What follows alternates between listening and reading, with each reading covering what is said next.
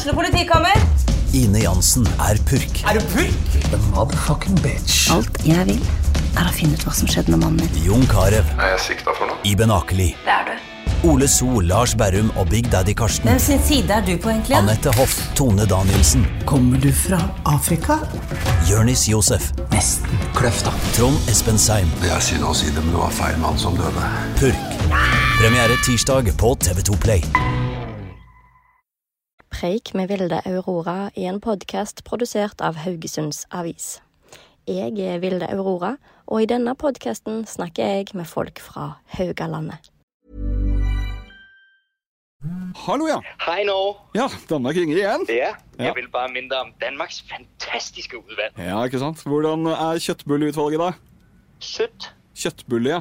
Du vet, Jeg handler jo på Eurocash i Sverige, så der er jo egentlig utvalget helt perfekt for meg. Så jeg tror egentlig vi kan runde av her. Ha det godt, da! Hej hej. Bra forsøk Danmark, men vi Eurocash vet att Sverige är Norges bästa granne. Veckans erbjudande är 24-pack Pepsi Max för enda 69,85. Eurocash, riktigt bra mat og wow, vad billigt.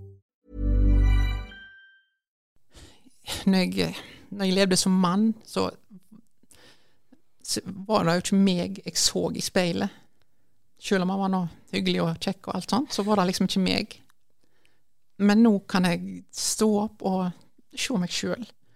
Dette er det Tone Vik som sier. Hun er 50 år i år, og fram til i fjor levde hun som mann. 16. september i fjor kom hun ut som Tone. Preik med Vilde Aurora.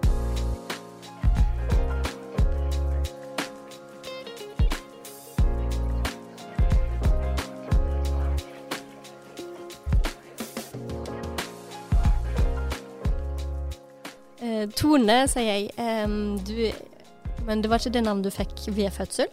Det var det ikke. Nei, Og da ble du registrert som gutt i papirene. det gjorde jeg òg. Eh, biologisk født gutt. Mhm. Eh, men hva var det som gjorde at du første gang tenkte at det var feil? Um, ja, altså jeg har jo kjent på ditt, ja, for å begynne en plass. Altså, jeg har kjent på dette hele livet. Um, og jeg kan, jeg kan spole tilbake helt til jeg var fire-fem år. At jeg kjente på at et eller annet ikke var rett, på en måte. Ja. Altså, at, altså når du er så liten, så har du jo heller ikke noe ord på hva, du, hva er dette for noe, liksom. Men jeg, jeg, jeg har det så klart for meg at jeg allerede så unge visste at et eller annet ikke var rett, liksom. Men jeg er født på 70-tallet, eh, og ble født på 70-tallet, så var du vel da du ble født. Så altså, det var ikke noe, noe valg, føler jeg. Altså, du ble kjørt inn i et veldig sånn styrt opplegg. sant? Altså, det var blått, og det var biler, og det var Ja, Ja. en skulle være gutt, liksom. sant? Um, Men det var mer, det, det var mer enn det at du måtte leke med biler, og ikke dukker, som føltes feil, eller? Ja, ja altså, vet du hva, jeg, jeg lekte nå egentlig både med dukker og biler, og jeg var egentlig borti veldig mye, så jeg var jo på en måte en veldig sånn åpen Ja. Et åpent barn, tenker jeg. Um, men altså, jeg, jeg kjente jo på at det var et eller annet som skurra, liksom. Um, og så opp gjennom årene så har liksom Ja, altså, jeg, jeg prøvde jo bare egentlig å tilpasse meg, og det tror jeg mange gjør. Sant? Vi prøver liksom å finne plassen vår, sant. Være en av gjengen, eller ja.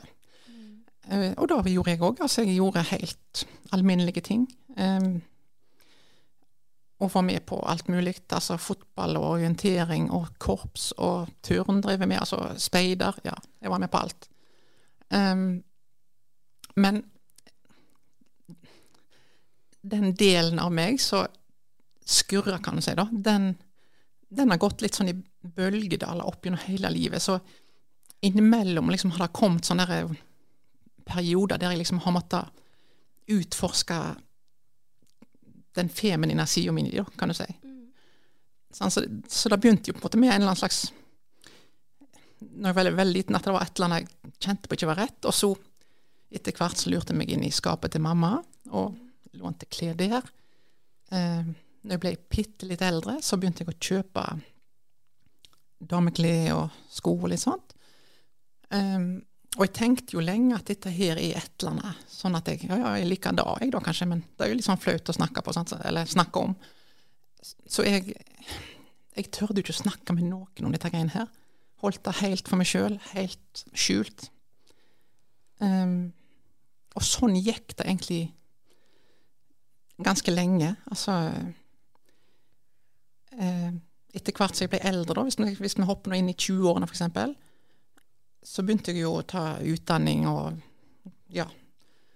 Og flytta i lag med en kjæreste etter hvert og litt sånne ting. Mm. Men likevel så hadde jeg liksom med meg den skjulte sida mi som jeg tok fram når jeg var alene eller hadde mulighet til det. Ja. Uh, og så var det òg sånn at jeg kjente på en veldig skam innimellom. Og da endte ofte med at jeg da, da heiv jeg liksom disse ja, par poser med klær jeg hadde kjøpt, f.eks. Og ja, du kasta det igjen? Ja. ja. ja. Hva var det som gjorde at du skamma deg, da? Nei, altså, jeg kjente liksom på at dette, dette er liksom ikke rett, liksom. Altså, det er jeg, skal ikke være sånn. Jeg har liksom, altså så, så jeg, ja, nei, jeg syns det var litt skamfullt. Sant? For jeg, jeg tørde ikke snakke med noen om det. Og det var Ja. Nei, jeg, jeg syns det var flaut og skamfullt, egentlig. Og den Men den greia der, da, den gikk liksom ikke vekk. Den hadde jo med meg hele veien. Og etter hvert så gikk det litt opp for meg at dette handla jo ikke om klær i det hele tatt. Altså Klærne var bare på en måte en måte å skape en slags illusjon, at jeg liksom kunne se meg sjøl. Ja. Uh, og da Da ble det til at uh, jeg fant mer ut om hva jeg kanskje si, var, skulle du si. Hvem jeg var. Ja. Men da på en måte å begynne en sånn prosess med å innse at uh, Oi, jeg, jeg er kanskje ikke gutt. Den Ja, den tok lang tid å på en måte lande på en måte og innse at sånn er det. Da er vi egentlig i nesten i nyere tid før jeg ja, tørde å innse at sånn var det. Nyere, nyere, tid, hva er det? Nei, da er jeg kommet i 40 år, ja. så med de siste ti år. Og da bor du sammen med noen, og du har fått barn og ja, hus ja. og hund og bil og sånn, skulle jeg til å si? Ja, alt unntatt hund. ok. Men ja, altså sant, for jeg eh, traff jo ei fantastisk jente, så jeg eh, ble kjæreste med, og vi flytta i lag til Bergen og gikk på utdanning der. og stifta familie. Um, så liksom ifra jeg var 27 til jeg var 32, så kom det tre unger til verden. Og jeg vil jo si at 30-årene mine, de husker jeg nesten ikke på et vis. For at da, altså når du har tre unger og du skal følge dem opp på alt mulig, så går det i foreldremøter og organisasjoner og logistikk og ja, i det hele. Så på en måte 30-åra mine er litt sånn Da hadde jeg ikke tid til meg sjøl, egentlig. Da var det liksom, da var det familieliv, og det var liksom Ja, bongas. Men eh, når ungene blir litt større etter hvert, sant, og de klarte seg bedre og bedre sjøl, og jeg fikk mer tid til å reflektere over meg sjøl, så begynte jeg å innse at eh, ja, dette som jeg kjenner på, det går ikke vekk. Det er ja, det er der. Um, så da begynte jeg liksom å Ja, hva skal jeg si Jeg begynte å prøve å, å motta meg opp til å søke hjelp, egentlig. Ja. Eller faktisk første gang jeg søkte hjelp, da var jeg, da var jeg faktisk midt i 30 år. Ok. Ja. Hva, men hva gjorde du da? Nei, det var ikke så veldig avansert. Altså, det, det finnes jo liksom sånne pasientorganisasjoner, da, så, så driver vi å hjelpe folk i denne situasjonen. Så jeg tok egentlig bare og sendte en mail til dem, og forklarte litt hvordan jeg kjente på det, og, og ba om litt råd hvordan jeg kunne gå videre, da.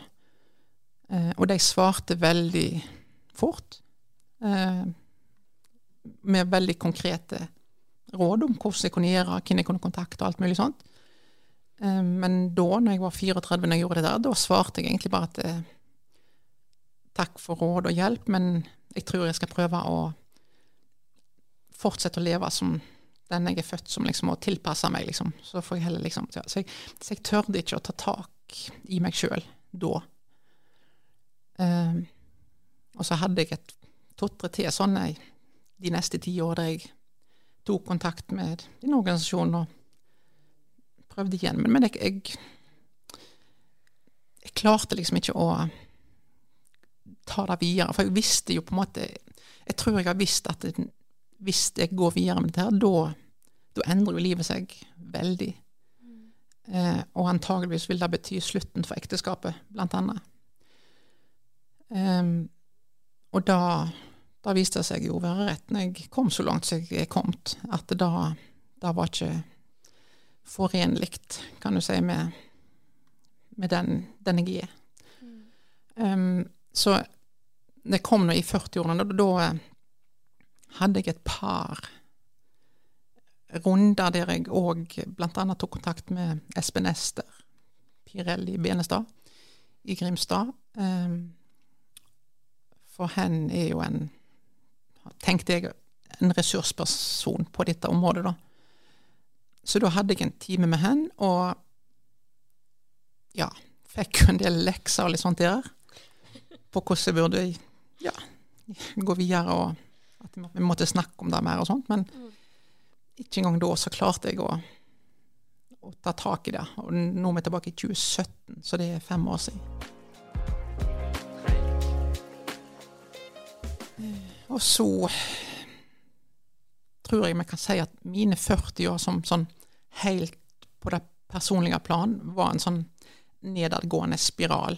Jeg, jeg kom inn det ble vanskeligere og vanskeligere å ikke deale med det, liksom, og håndtere det. Jeg måtte liksom til slutt ta tak i meg sjøl. Og hvis vi spoler til 2020, sånn juni da, det året der, da, da er jeg på det mørkeste punktet i, i mitt liv.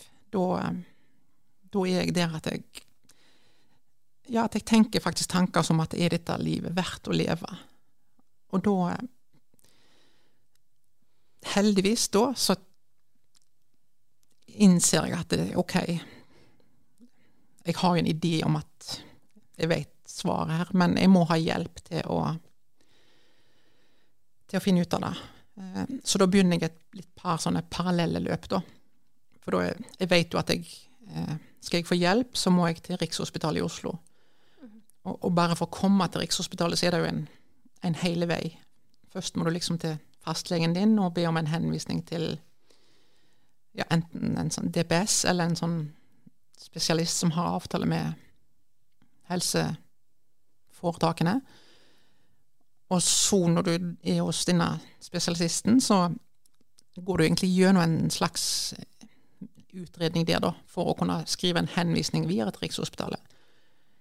Så hvis vi sier at min tidslinje for når jeg tok tak i det, begynte i juni.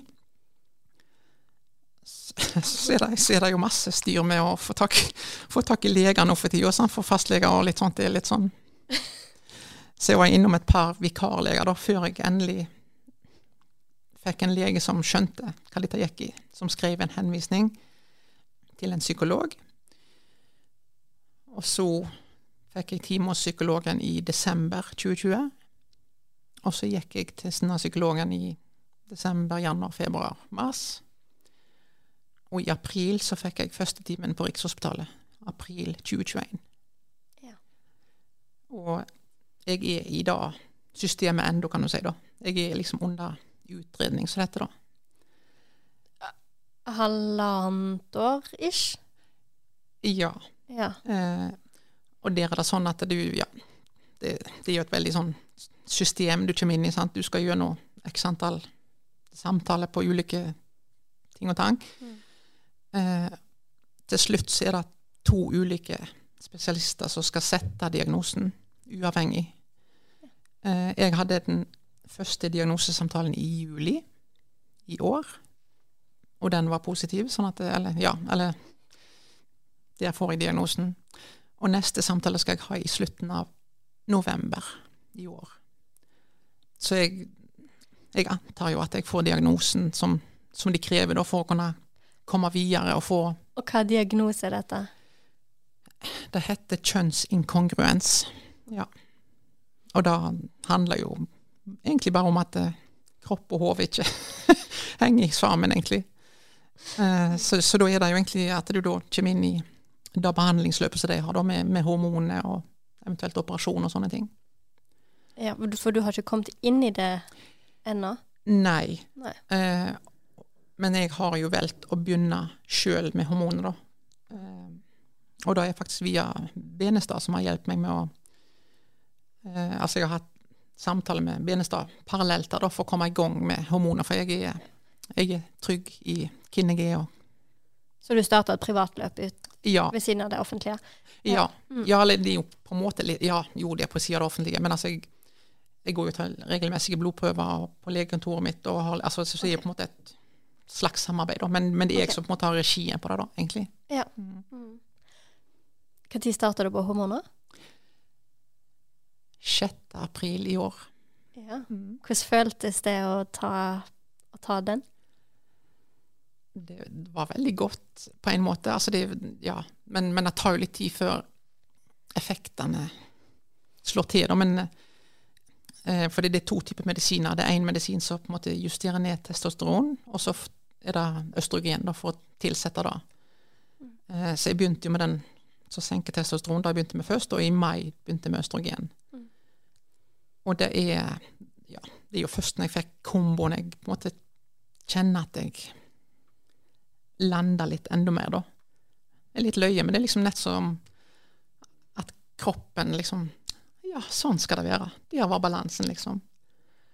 Og ja, så jeg syns det er bare helt nydelig, rett og slett. Altså det, og jeg ser jo òg veldig forskjell. Altså det er helt magisk hvordan de medisinene virker.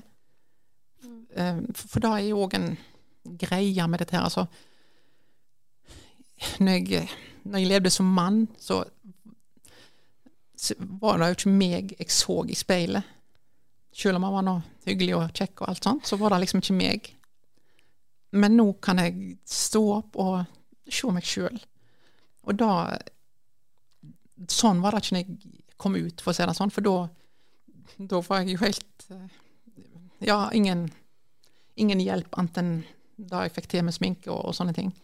Mens nå kan jeg Altså nå har liksom Ansiktet har liksom endra seg i rett retning, om jeg kan si det sånn. Ja. Så, ja. Husker du første gangen du så det? Så forskjellen? Um, kanskje ikke, akkurat, faktisk ikke akkurat dato på det, men du, du er kanskje midten av juni i år. Da hadde jeg gått ja, Hvor lenge hadde jeg gått da? To måneder på på den ene og en liten måned på det andre. Men husker du hvordan det føltes å se den forskjellen? Jeg blir så glad. Jeg blir så glad. Altså, det er Ja, det er helt magisk. Altså, det er Og jeg, jeg kan stå og se på meg sjøl i speilet og le. Og bare sånn Det var jo liksom Altså, ja, det Ja, nei, det er priceless. Det er helt løye. Jeg blir helt sånn ja, nei, det Det var godt. Ja. Og rett, ikke minst. Ja, så bra. Hvordan har du det nå? Jeg har det veldig bra. Um, rett, ja, altså det Jeg har jo gått veldig mange sånne runder med liksom å Ja, altså spørre meg sjøl er dette rett, liksom. Og spesielt i begynnelsen på denne prosessen jeg virkelig tok tak i meg sjøl, så var det jo veldig masse tvil inne i bildet. For du, du Altså, jeg setter i gang så utrolig store endringer. Altså, ikke bare på meg sjøl, men altså, hele, alle rundt meg. Sant? Altså, jeg snur jo livet på hodet for mange, spesielt de nærmeste. Uh, så jeg har jo liksom måttet være, være veldig sikker på at dette, sånn er det. Altså, prosessen for å bli trygg i meg sjøl eh, Altså, det er jo et kaos nesten i hodet når du skal prøve å skjønne ting og finne ut av ting. Eh, så jeg har, brukt, jeg har skrevet veldig masse. Jeg har produsert nesten 500 sider. 80 ulike typer dokument. Eh, som handler om alt mulig. Det, det Jeg har lagt meg risikoanalyser. Hva, hva skjer hvis folk reagerer sånn og sånn? Og liksom at jeg har liksom prøvd å tenke gjennom alt som kan skje. Eh, jeg har jo gått så mange runder med liksom å prøve å beskrive liksom det jeg kjenner på. Altså at det er um, Ja, hva skal jeg si da? Um, ja, hva som gjør at jeg kjenner at jeg er dame, liksom. Hva, hva, og prøve å sette ord på det.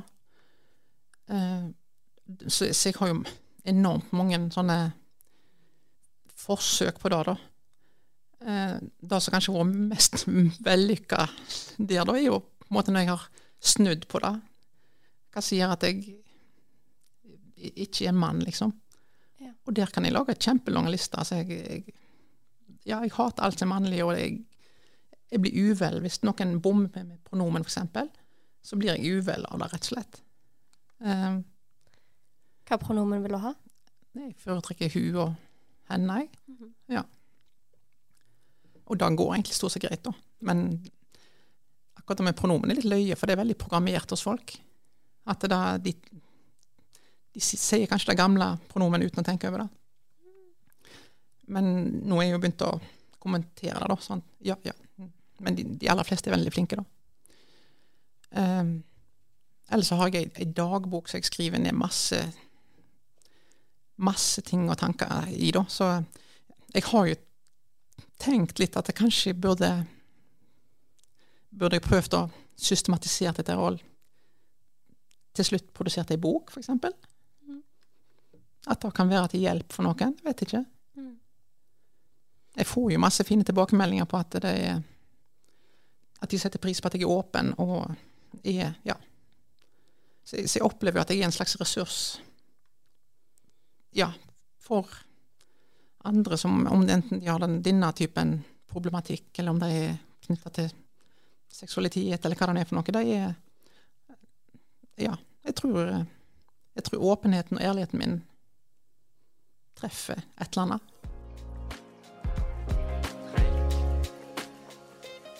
Hvordan var det å, å fortelle dette til familien din? Det aller verste var jo å fortelle og, og da har jo på en måte vært min Det store hinderet mitt var å fortelle til hun jeg var gift med. Eh, for vi har en veldig lang historikk, og vi har vært gift i 22 år. Um, og, ja, og da på en måte å fortelle det til henne, da, var veldig vanskelig. Jeg begynte i, i juni 2020 liksom å ta tak i meg sjøl. Da var jeg liksom helt på bunnen av meg sjøl, skulle du si. Så brukte jeg et halvt år på å klare å si det til henne. Og det var jo ikke jeg som klarte å si det, egentlig. Det var jo hun som selvfølgelig så at jeg sleit og ikke fikk det til. Så det var hun som klarte å dra det ut av meg. Men jeg visste jo i det sekundet liksom OK, der brast bobla nå er det ute, nå snakker vi åpent og ærlig. Og da, siden den tid så har vi vært 100% ærlige om dette. da. Um, så da brukte vi på en måte et halvt år der vi da prøvde å deale med det altså så godt vi kunne. Og så sommeren i 21, da, da begynte liksom prosessen med å fortelle det til, til unger og foreldre og venner, og etter hvert kollegaer og sånt. Um, så ifra, ifra juni til jeg eh, kom ut, 16.9.2021, uh, så var det på en måte en sånn eskalering i antall folk som visste om meg, da. Uh, så jeg avslutta med å fortelle om meg sjøl på et allmøte dagen før jeg kom ut, at uh, jeg har noe med å fortelle dere. Allmøte på jobb? På jobb, på jobb ja. ja. Mm.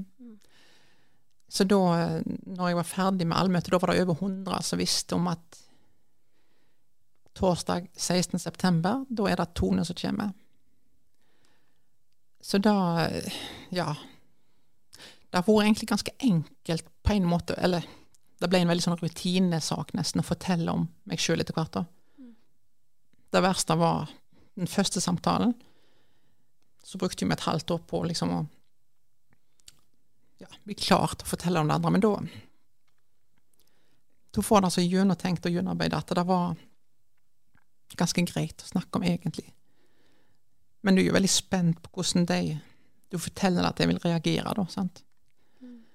Um, Hva reaksjoner har du fått?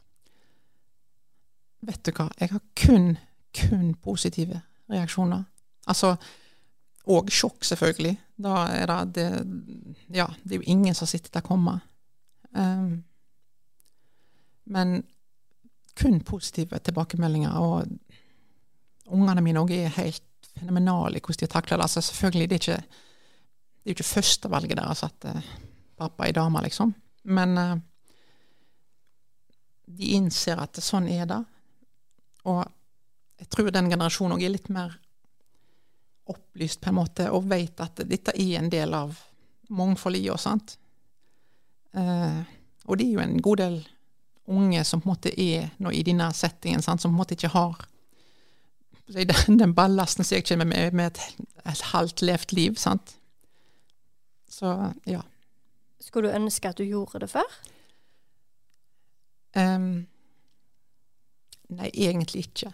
For at jeg har hatt et rikt og veldig godt liv. Og jeg tenker òg spesielt på altså 34 år var første gangen jeg åpna meg opp for noen og søkte hjelp eksternt. liksom, at Jeg bare tenker på den, de årene som jeg antageligvis hadde gått glipp av da. Det er jo indrefileten av mitt familieliv. Og vi har hatt det så kjekt, og vi er en så fin familie. Så jeg, jeg er veldig glad for det livet jeg har hatt som dude, som jeg kaller det da. Som dude? ja, ja, jeg sier jo ikke navnet til så jeg, jeg, ja. Så, ja. Hvorfor, men hva, hvorfor velger du å ikke si navnet til, til duden? Nei, altså for meg så er det altså jeg, jeg ser jo navnet hans veldig ofte. F.eks. på jobb så har jeg jo lagt igjen navn litt mange plasser. Men, men i den settingen, altså på jobb f.eks., så tenker jeg på han som en tidligere kollega.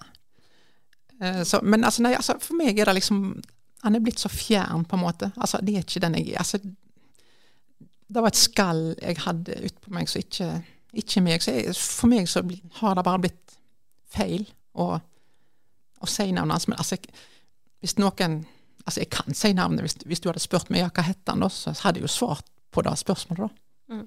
Det hadde jeg. Er det noen som bruker det fortsatt? Um, nei, da, egentlig det med navn har gått veldig bra. Um, eneste Noen kan bruke det hvis de refererer til meg i fortid. Ok, ja. Men, uh, men da, da, pleier jeg faktisk å si at jeg var egentlig Tone da òg. men du visste det bare ikke.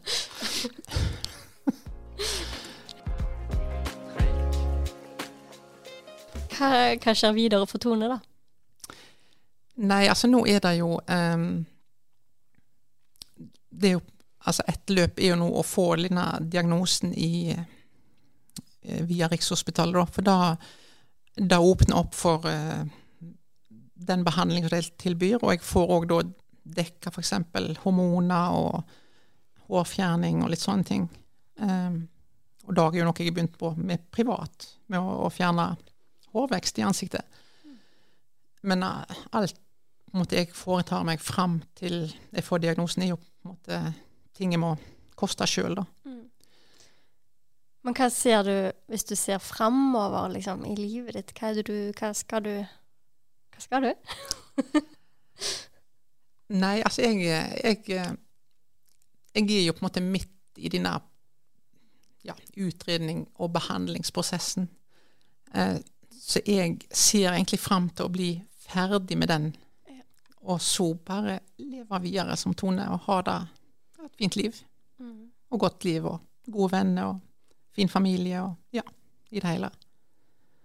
Da ser jeg fram til. Så jeg har jo da en, en, Jeg har min egen plan i dette her, da. For at det, opplegget på Rikshospitalet, det er jeg syns det er bra, men de er altfor få i forhold til pasientmengden som de skal eh, håndtere. Så derfor har jo jeg gått litt et parallelt løp, for jeg, jeg vet hvem jeg er og hva jeg trenger. Eh, så jeg har faktisk eh, bestilt òg privat operasjon neste år. Så det står på planen min, da. Ja. Ja. Så da er liksom det? løpet mitt fram til neste sommer, egentlig. Ja. Mm. Mm. Du eh, har jo muligheten til å ta disse tingene privat. Det er ikke alle som har det. Det er ikke det. Så da, altså, jeg er jo veldig privilegert som faktisk kan gjøre dette. Og da, er- da syns jeg, jeg synes det der er vanskelig, syns jeg. For det er Altså, jeg vet med meg sjøl, hvis jeg skulle fulgt opplegget slavisk med Rikshospitalet, så hadde jeg for det første ikke vært i gang med hormoner i det hele tatt ennå, f.eks. Mm. Um, så bare det å komme i gang med hormoner har jo for meg vært en sånn der eh, lettelse og en sånn der eh, ro i kroppen som jeg ikke hadde fått uten. Og så er det sånn at når du først får diagnosen, så skal du møte en hormonlege, eller endokrinolog, så dette er vel på fagspråket, for liksom å sette i gang med hormoner. Og når du kommer i gang med hormoner i Rikshospitalet sin regi, så skal du gå på det et år. Og når du har gått på det et år, så får du møte kirurg. Der du skal, da skal diskutere ja, hva, hva hjelp trenger jeg. Um, og når du har hatt møte med kirurg, da er det per i dag sannsynligvis tre år ventetid på å få operasjon. Sånn, Så hvis jeg skulle fulgt deres opplegg, så Ja, jeg kunne lagt til fire år iallfall fra i dag. Og da er, det er lenge når du egentlig ikke har det bra. Hvis du ikke får hjelp, så, så har du det ikke bra. Og det er Og det er en kjempeutfordring for de som ikke har mulighet til å gjøre ting sjøl, for å si det sånn. da. Og det er jo ikke sånn at Rikshospitalet altså Det er jo ikke ulovlig å bypasse dem og gjøre disse tingene. For du, ja, men det er på en måte de som har monopolet på behandlingen i Norge, da, den offentlige behandlingen. Og da er jo greit. Sånn er det. Men uh, det, er, det er en utfordring med den mengden pasienter de skal håndtere. Og så tenkte jeg bare på, for du, du sier jo at du har det, du har det bra nå, mm. eh, når du er kommet i gang og liksom ser deg Ja. i speilet og sånn. Hva Har du noe sånn råd eller noe sånt til deg som kanskje sliter med litt av det samme som du gjorde før, når du var yngre? Ja, altså eh, Hvis jeg skal oppsummere på en måte hva jeg burde gjort før, så er det jo å være ærlig og åpen om dette her. Eh, jeg har jo vært uærlig med meg sjøl hele livet og holdt dette helt, helt for meg sjøl. Det er jo ingen som har visst eller annet eller skjønt noe ting. Men min opplevelse er jo at når du er åpen og ærlig, så vil folk flest deg bare godt. Altså, folk er så fine. Altså, de vil, de vil oss bare det beste. Så jeg opplever at den, den største, det største hinderet liksom, for å ha det bra, det er meg sjøl. Jeg måtte tørre å ta tak i meg sjøl og gjøre det jeg måtte gjøre. Um, så da, å være ærlig, være ærlig med deg sjøl og de rundt deg, og være åpen om hvem en er, det er egentlig et godt råd som en, de fleste kommer til å vinne på, tror jeg. For, for det, er jo, altså det er jo helt umulig å skjønne hvorfor dette er som det er, liksom. Det er, men altså, jeg har jo gått så mange runder med meg sjøl og skjønt at sånn er det. Men det er det samme hvis jeg spør deg, hva sier at du føler deg som ei dame? Vet ikke. Nei, sant? Hva er det som gjør at du føler deg som ei dame? Ja, det der har jeg jo spurt meg så mange ganger om. Men du har kanskje reflektert mer rundt enn det jeg har? Sannsynligvis. Altså Hvis du spør meg føler du deg som mann, så ville jeg sagt nei. Men spør du meg hvordan jeg føler meg som dame, så, så klarer jeg ikke å Ja, hva gjør at jeg føler meg som dame, da? Men det er liksom litt at jeg Sånn som jeg kjenner på en harmoni, at jeg, jeg bare vet at sånn er det. Det er liksom så vanskelig å sette ord på det. Men jeg, jeg vet Det er så ufattelig enkelt å si hva jeg ikke er. Men jeg bare vet at dette er meg. Og alt jeg har gjort, liksom bare bekrefter det, liksom. Jeg, jeg har det så bra egentlig nå. Stortrives med meg sjøl. Og elsker den jeg ser i speilet, og ja, digger kli og sminke. Og, altså, jeg er liksom blitt en prototype på et vis, men altså Ja, jeg har det egentlig. Men, men glad i klær og glad i sminke og Ja. Ja. Og det er litt godt å si. Sko, skodiller har jeg. Hvor mye sko har du? Nei, litt for mange. ja, nei, det er Ja, nei, det er ikke bra. Eller, det er jo bra, da. Veldig gøy. Tusen takk for at du kom og ville dele historien din, Tone. Kjekt at jeg fikk komme. Hallo, ja. Hei nå.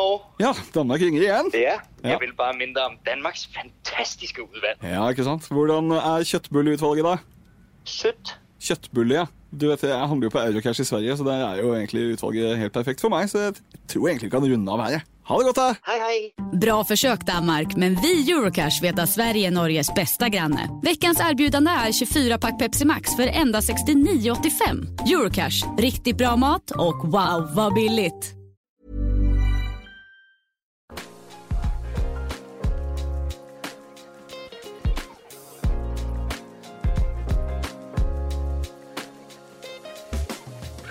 Med Vilde Aurora. Jeg er Vilde Aurora, og du har akkurat hørt en episode av Preik, en podkast produsert av Haugesunds Avis. Ny episode kommer hver torsdag. Følg også gjerne Preik på Instagram.